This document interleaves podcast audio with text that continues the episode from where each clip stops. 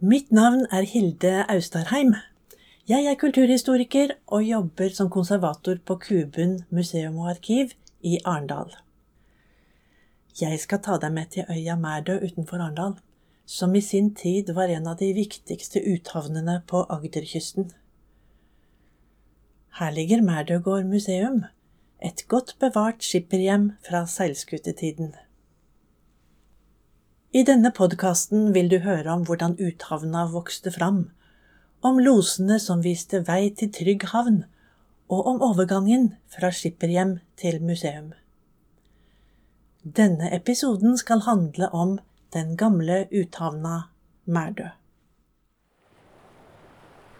Øya Mærdø ligger ut mot havet, nesten en halv mil sør for Arendal. Utenfor Mærdø gikk den viktige handelsveien mellom Nordsjøen og Østersjøen, gjennom Den engelske kanal og Skagerrak. Mange skip forliste i farvannene utenfor Jylland, hvor det var farlige strømmer og grunner, og hvor skipene satte seg fast og forliste.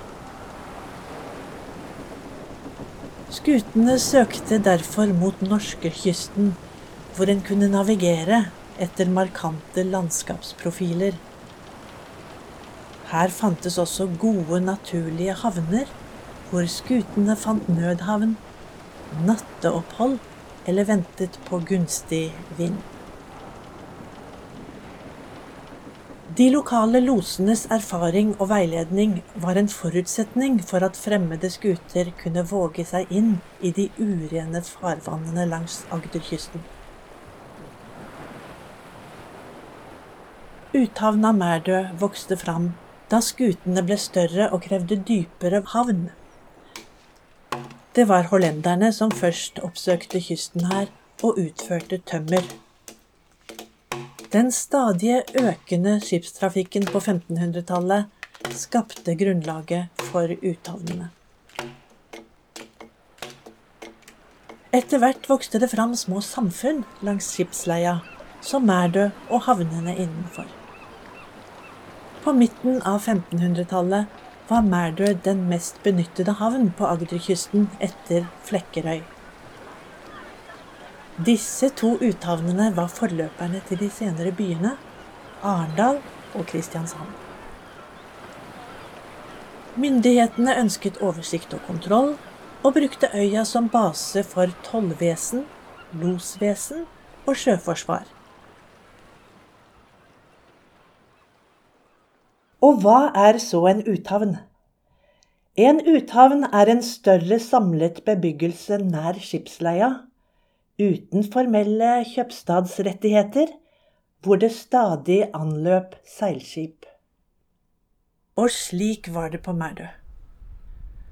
På innsiden av øya er det gode ankerplasser, hvor skutene kunne seile ut og inn både det østre og det vestre løpet, etter vekslende vind. Hovedinnløpet til Mærdø er det vide Vestregapet mellom Mærdø og Havsøya. Øya Mærdø krummer seg om den lune havna i nord, mot innseilingen til Arendal. Her er strender med sandbanker, og her ble det bygd hus og brygger. Innimellom bergknausene er det tidligere oppdyrket mark, omkranset av steingjerder. På utsiden av Merdø, mot havet, er svaberg og rullesteinstrender.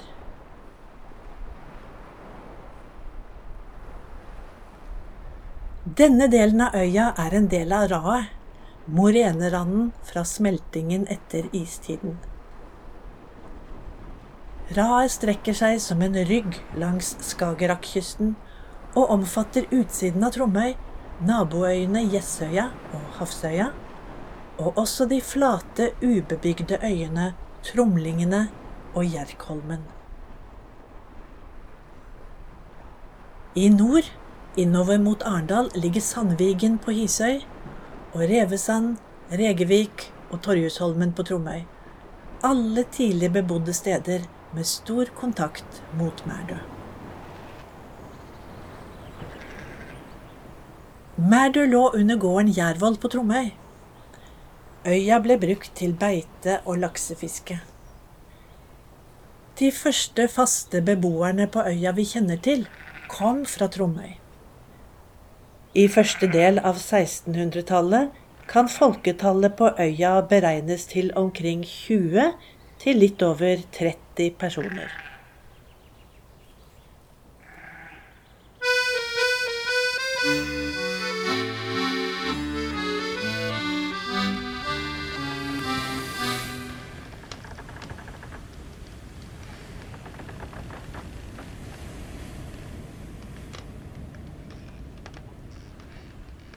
I 1607 kom Kristian 4. seilende til Mandal, Nedenes og Lister len, da han ønsket å stenge flere av kroene der.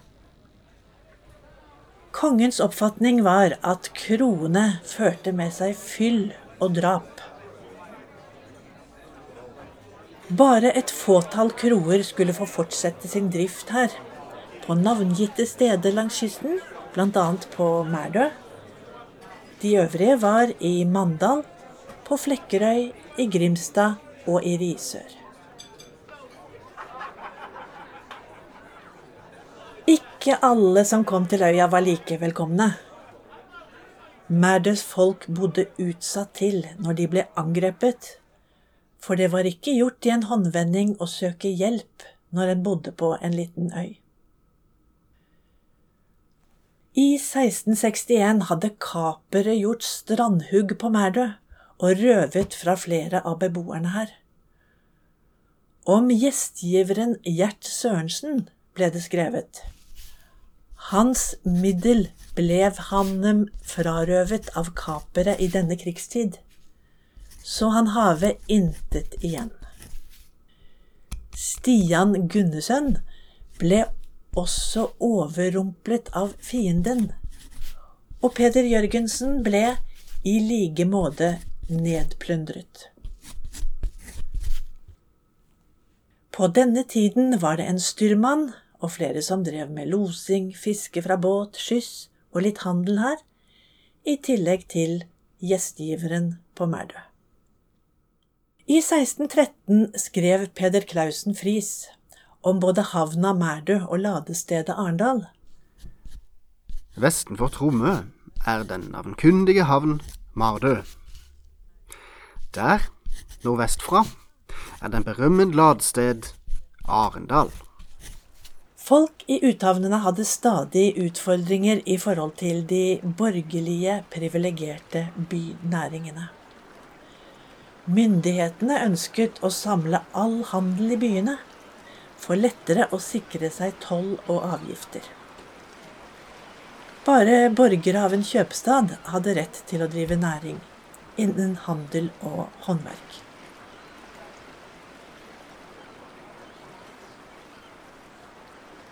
Kjøpstaden Arendal vokste fram rundt utløpet av Nidelva etter at skogene ved kysten var uthugget. Tømmeret ble fløtet ned elva fra et stort oppland. Det gamle ladestedet fikk byprivilegier i 1723 og ble knutepunktet mellom tømmerfløtingen fra innlandet, utskipingen og markedene ute. Etter at Arendal fikk byprivilegier, ble handelskonfliktene mer lokale. I 1761 fikk borgere av Arendal, Christian Toldorf på Jessøya, kongelig bevilling til å forsyne landets egne så vel som fremmede innkommende skip der på havnen, med bl.a. øl og brød. Samme år ble bevillingen utvidet til også å gjelde Mærdø, Sandviken og Revesand. Toldorf gikk til rettssak i 1790 mot en av losene på Mærdø, som hadde fortsatt med sin handel. Etter behandling i flere instanser støttet kongen losen, da losene hadde hevd på denne handelen fra uminnelige tider.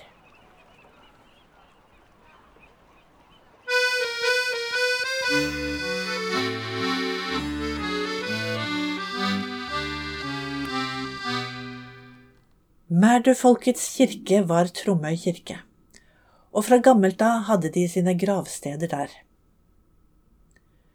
På Mærdøs vestside var det en egen gravplass for fremmede sjømenn, som drev i land etter forlis, eller som døde på skutene mens de lå i havna.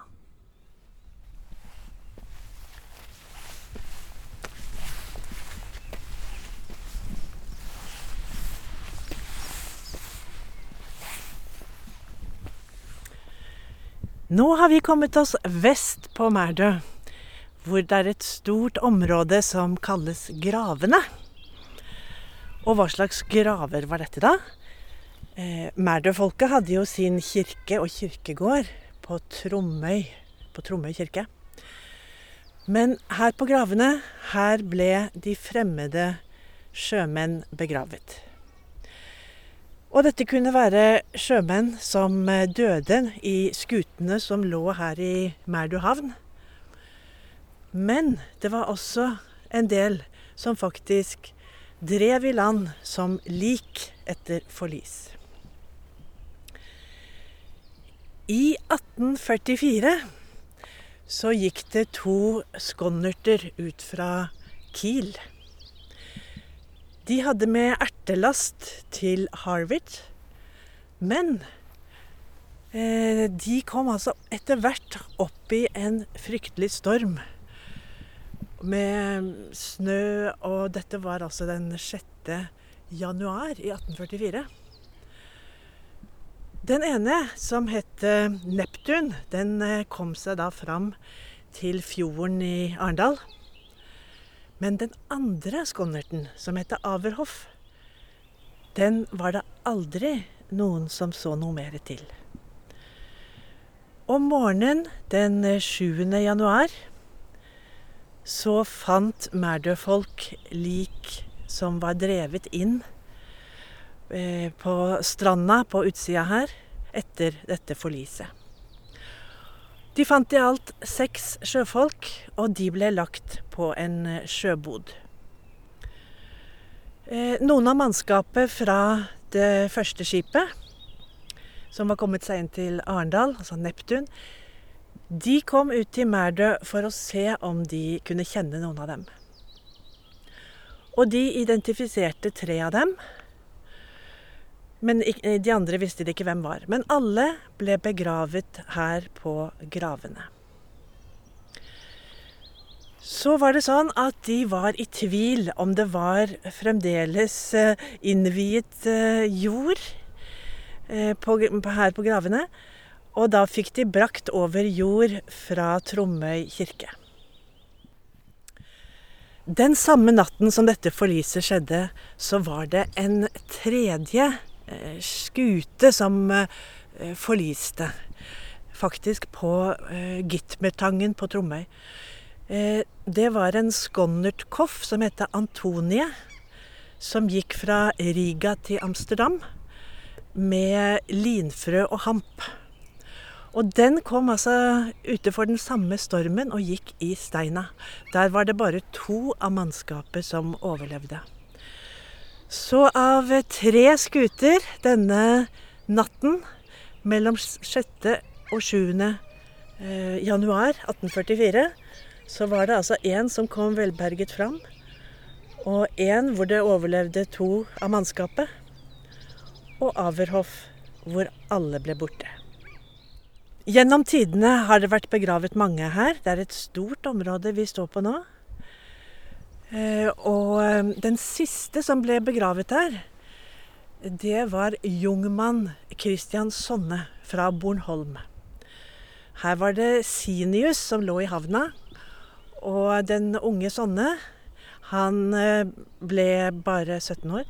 Han døde da om bord, ble begravet her og fikk et trekors. Og det var det siste korset som sto på gravene. Nå har vi det på museet. Av eldre Mærder-folk så forteller de at eh, de, det var eh, innhegnet her. Det har vel vært litt forskjellig, men vi kan ennå se eh, rester etter steinmurer i grunnen her. Og en av disse, Katrine Andersen, som døde i 1924, hun forteller at de gikk til gravene og pyntet disse gravminnene.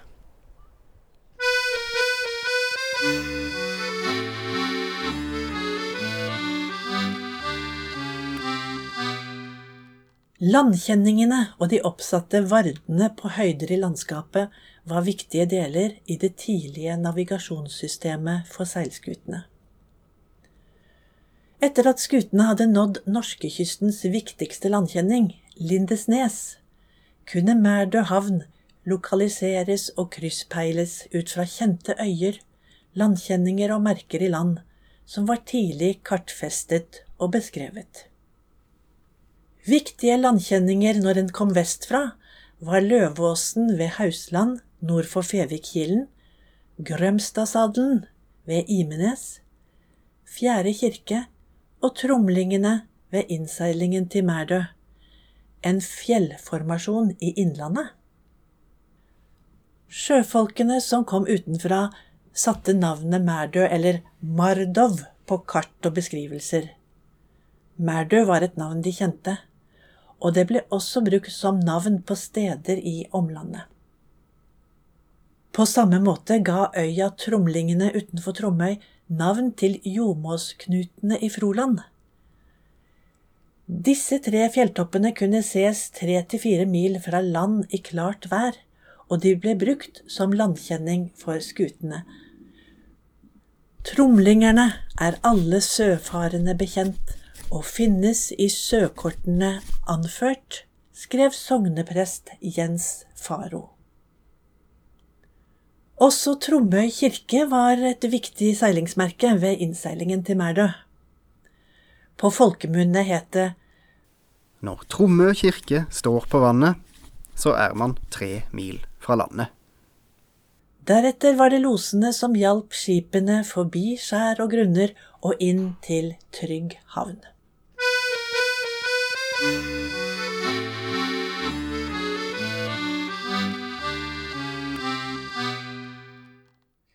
Hvordan var det å komme i land på Mærdø på 1700-tallet?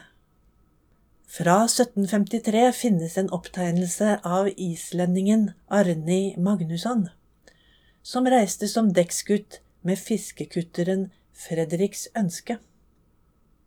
På veien fra Reykjavik til København var de innom Mærdø. Om natten så de fyret på Lindesnes, og senere ble de ført i land på Mærdø av en los.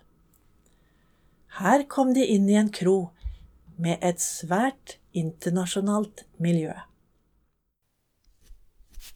Vi seilte langsmed landet, inntil vi kom til Merdø, hvor den los der kom til oss, bodde.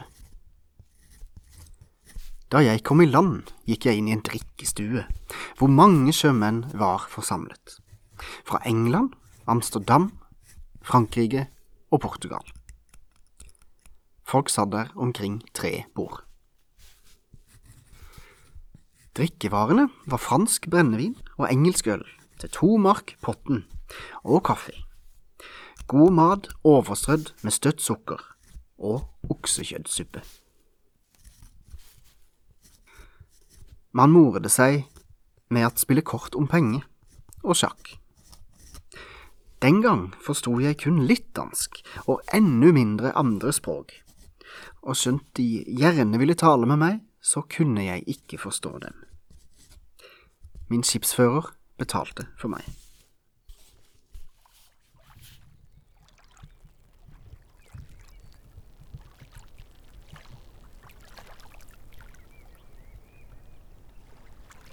I Mærdø havn lå skutene fortøyd på fjorden innenfor Merdø.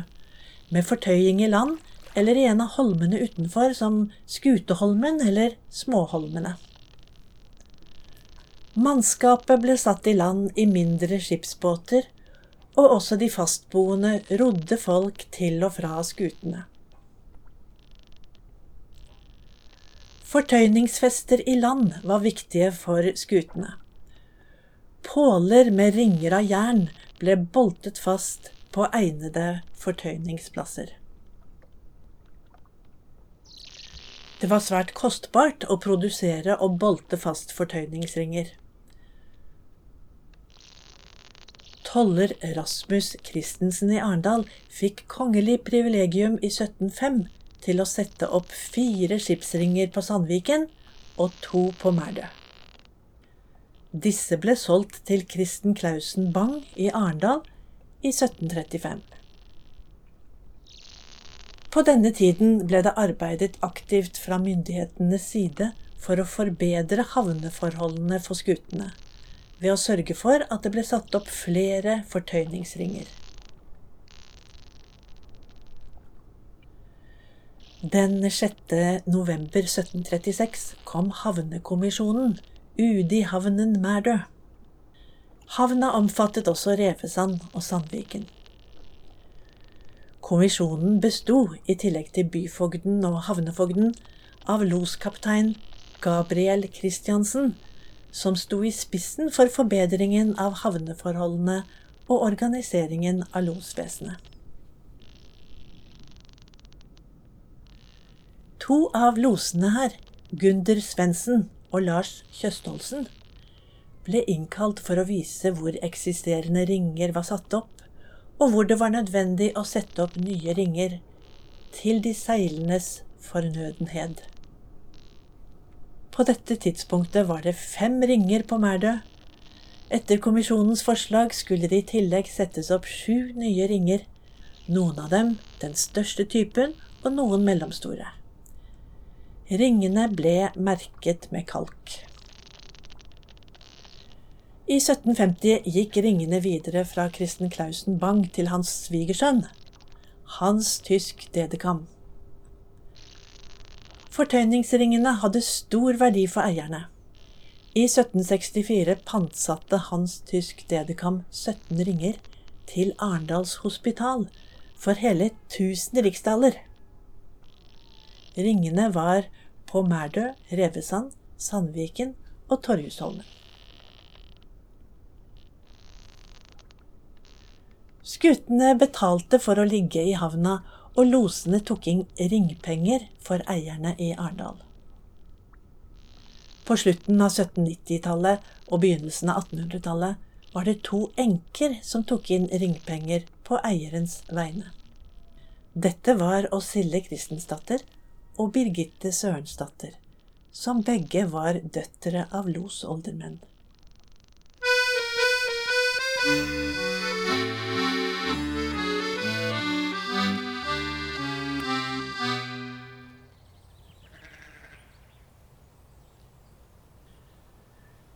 Etter at Mærdø fikk fast bosetting, ble den dyrkbare jorda utnyttet til eng og kål og urtehager. Dyrket jord ble gjerdet inne med steingjerder som beskyttelse mot dyra som beitet i utmarka. Holmene utenfor Mærdø ble også brukt som beite. Her kunne dyra gå fritt uten tanke på åker og eng. På slutten av 1700-tallet var Merdøholmene felleseie for oppsitterne på Mærdø.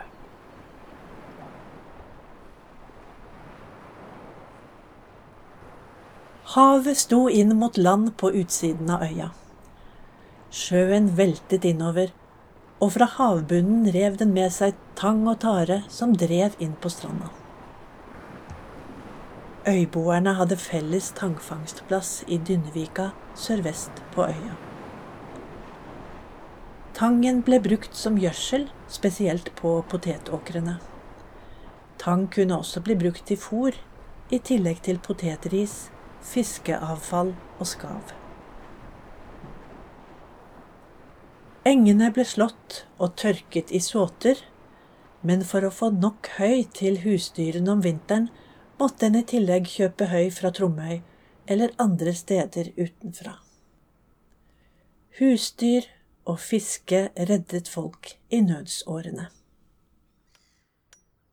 Folk som bosatte seg på øya, bygde husene sine på den lune innsiden i nord, mot Revesandsfjorden og Tromøy, i Mærdø havn. Bebyggelsen utviklet seg på tre steder. På Østre Mærdø, hvor Mærdøgård er bevart som museum. på Midtre Mærdø, der den offentlige brygga ligger, og vestover mot Nabben og Tollboden.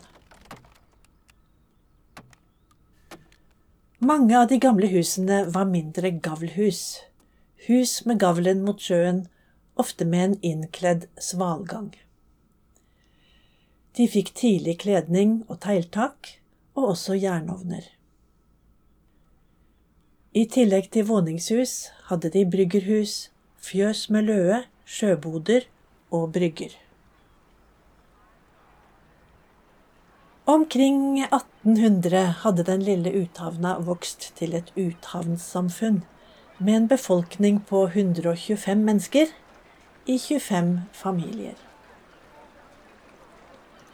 Skipperne var kommet inn som en viktig gruppe. De hadde tatt del i oppgangstidene i sjøfarten og hadde hatt mulighet til å spare opp kapital. Foruten god lønn og utbytte som partsredere hadde de spesielle ordninger for tilleggsbetaling.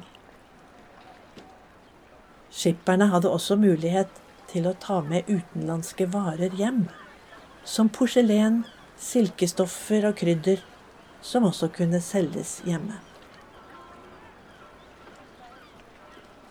Husene deres ble innredet med møbler og innbo som var kjøpt i utlandet, eller kopiert i tidsriktig stil av lokale håndverkere. Utover 1700-tallet ble overskuddet fra den stadig viktigere sjøfarten investert i større hus.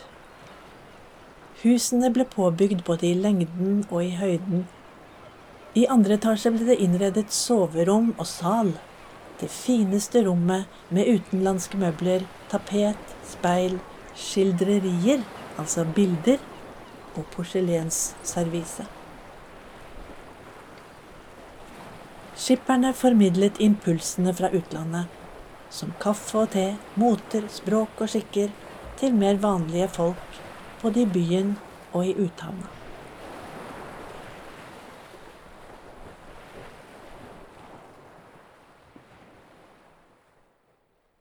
Du har nå hørt den første historien i podkastserien Mærdø fra uthavn til sommerparadis. Podkasten er laget av Kuben i Arendal, Aust-Agder museum og arkiv. Manusforfatter er Hilde L. Austarheim. Prosjektleder er Joanna Sundset, og sitatene ble lest av Terje Ellefsen. Produsent er Terje Ellefsen.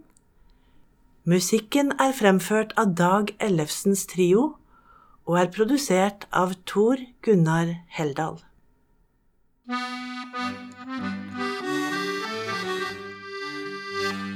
De norske loser, de er raske svenne, som uværsfuglen ferdes de på sjø.